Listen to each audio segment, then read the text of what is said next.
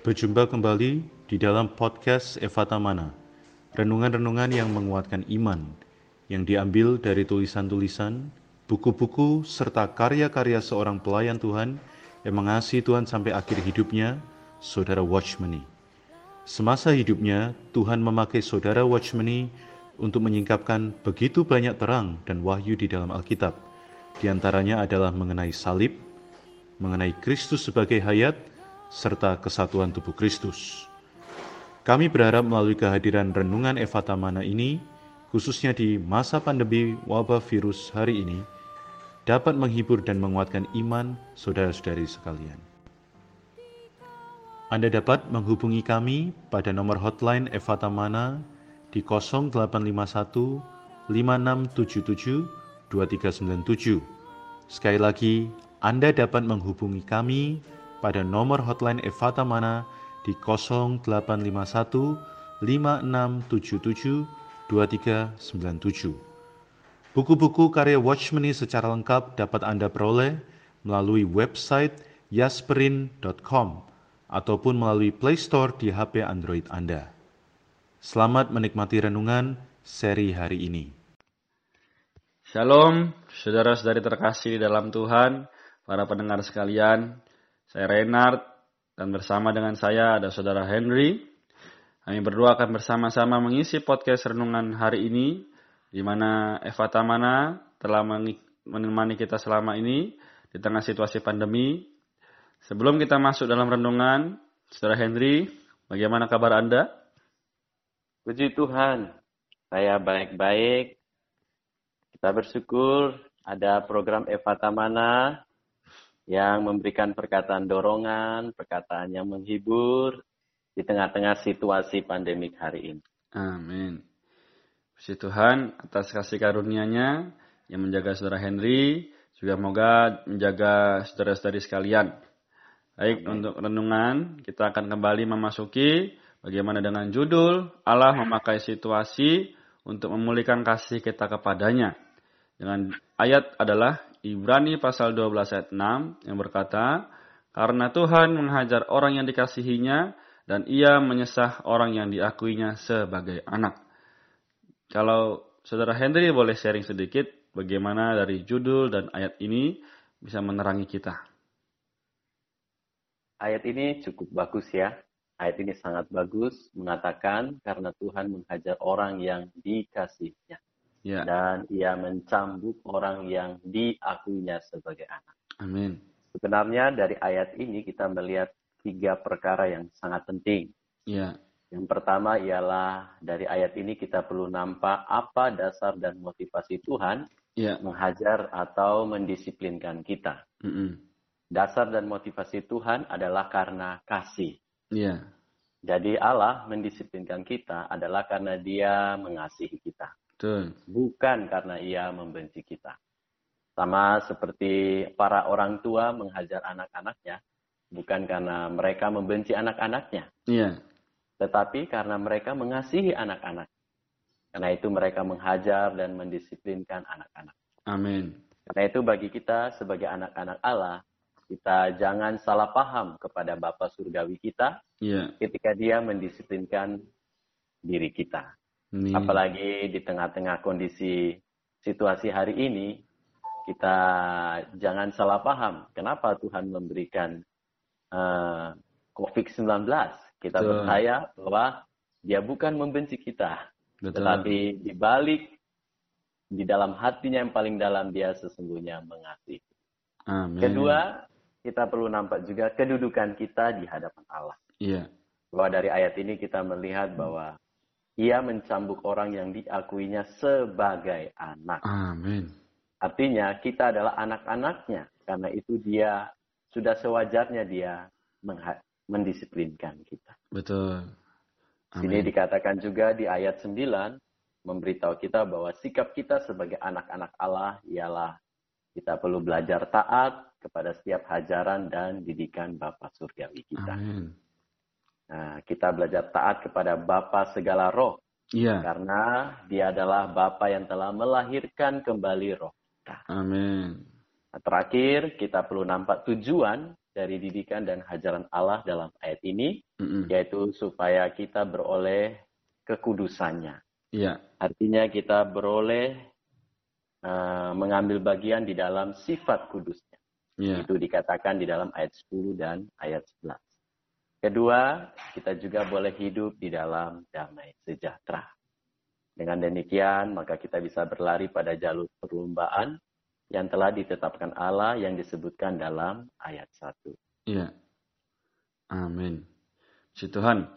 Jadi melalui ayat dan judul ini kita bisa melihat bahwa Tuhan selalu ingin mendapatkan kita. Ya. Jadi buku, uh, dari renungan ini kita ambil dari buku, dari buklet yang ditulis oleh Saudara Wasmini yang berjudul Allah berbicara melalui situasi. Baik kita lanjutkan. Di sini dikatakan Allah begitu mengasihi kita hingga ia tidak rela ada satupun hal atau benda yang dapat menjadi penghalang persekutuan kita dengannya. Seringkali dalam persekutuan kita dengan Allah, kita tidak merasa tertegur, tidak merasa adanya beberapa kesalahan. Tetapi ketika Allah menimbulkan suatu situasi, maka ternyatalah pada kita masih ada hal-hal yang masih belum kita lepaskan masih menjadi berhala di dalam kita.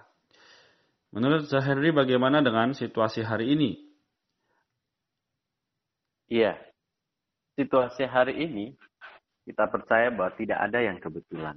Kita yeah. percaya bahwa Allah turut bekerja dalam segala sesuatu untuk mendatangkan kebaikan bagi setiap anak-anaknya yang mengasihi dia. Yeah. Karena itu situasi hari ini Sebenarnya Allah ingin menyatakan kepada kita, mungkin masih banyak hal-hal yang belum kita lepaskan. Yeah. Oh, masih banyak berhala yang tidak kita sadari di dalam hati kita. Yeah.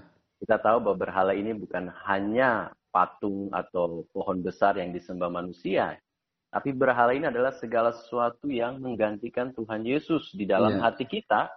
Itu sudah menjadi satu berhala. Contoh hmm. pekerjaan kita bisa saja menjadi berhala kita. Ya, hobi kita, ya, ya, dan sebagainya bisa menjadi berhala di dalam hati kita. Karena itu, melalui situasi hari ini, uh, Allah ingin memulihkan kasih kita kepadanya. Sehingga kita yeah. boleh membereskan, ya, mengaku dosa, membereskan setiap berhala, setiap hal yang menggantikan Tuhan Yesus di dalam hati kita. Oh, Tuhan Yesus. Betul. Jadi, saudari, moga kita juga kembali disadarkan bahwa ketika kita mengasihi Allah harus hanya tertuju kepada Allah. Baik, di sini kita lanjutkan lagi, ada sedikit. Nanti saudara Henry bisa tambahkan. Katakan bahwa jangan pernah mengira dalam diri kita sudah tidak ada masalah lagi. Tuhan mengatur segala situasi di luar bagi Yakub adalah supaya Yakub bisa kembali ke Betel. Kembali ingat akan persembahan dirinya kali pertama. Sama halnya dengan Yakub, hari ini Allah membiarkan suatu situasi menimpa kita, agar kita dapat kembali kepada kasih kita yang semula. Persembahan diri kita yang semula. Berdoalah kepada Tuhan. Tuhan, tujuh tahun yang lalu ketika aku baru mendapatkan kebangunan rohani, suatu malam aku berdoa, aku mempersembahkan semuanya. Semuanya aku letakkan di atas mesbah. Semuanya aku serahkan kepadamu. Hari ini aku masih tetap mempersembahkan semuanya kepadamu. Doa seperti inilah yang memuaskan Allah. Amin. Jadi kalau saudara Henry bisa beri masukan sedikit. Puji Tuhan, ya kita perlu mempersembahkan tubuh kita. Ya. Di Roma pasal 12 ayat 1 sampai 2 Paulus nasihatkan kita semua. Iya. Oleh kemurahan Allah agar kita mempersembahkan tubuh kita Amin. Sebagai persembahan yang hidup, yang kudus, dan yang berkenan kepada Allah. Amin. Itulah ibadahmu yang sejati atau Betul. masuk akal. Betul. Kemudian di ayat 2 dikatakan, janganlah kamu menjadi serupa dengan dunia ini, tapi berubahlah oleh pembaruan budimu, ya. sehingga kamu dapat membedakan mana kehendak Allah, apa ya. yang baik, yang berkenan kepadanya dan sempurna. Amin. Kita bersyukur kita melihat Yakub, dia pernah mempersembahkan uh, dirinya kepada Tuhan. Yeah. Namun sejangka waktu dia lupa. Tapi pada akhirnya Allah membangkitkan situasi, bekerja yeah. melalui situasi, melalui pamannya Laban, melalui istrinya, melalui anak-anaknya. Yeah. Allah bekerja melalui situasi itu untuk kembali mengingatkan Yakub bahwa dia pernah mempersembahkan dirinya untuk melayani Allah. Amin. Hari ini kita percaya melalui situasi uh, suasana hari ini yang begitu sangat terbatas, yang membuat banyak orang khawatir, cemas, dan gelisah.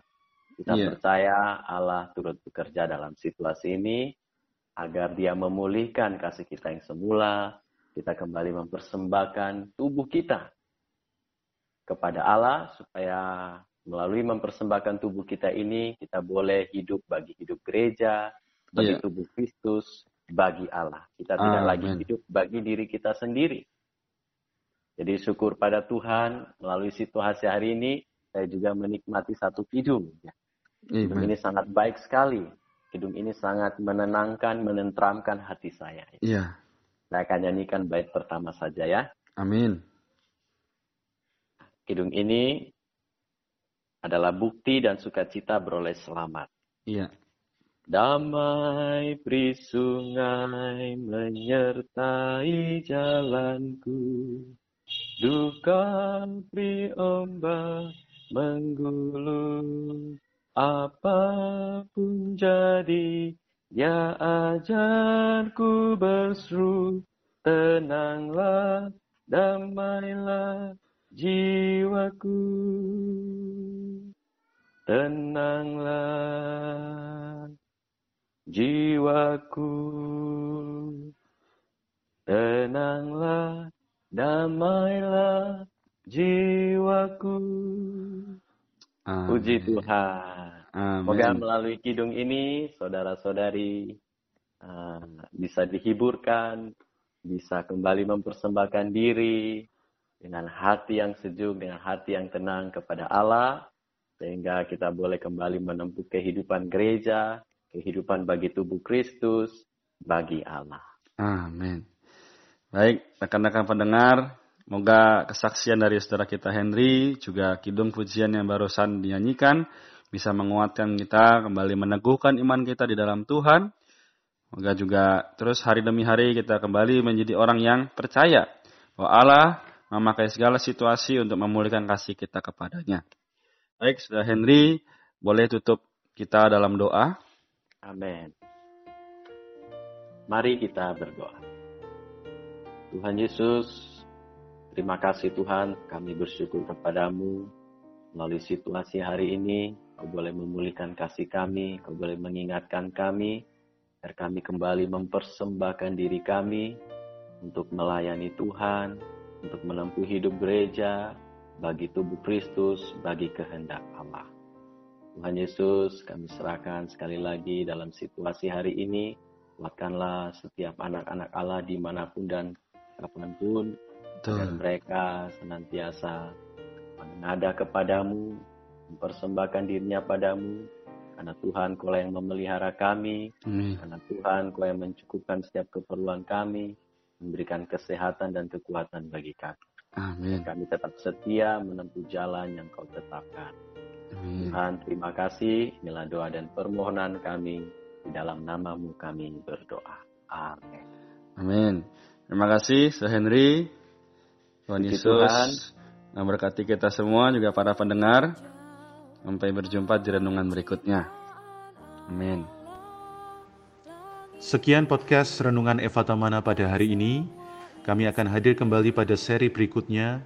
Kiranya kasih Allah dan kasih karunia Tuhan Yesus menyertai kita semua.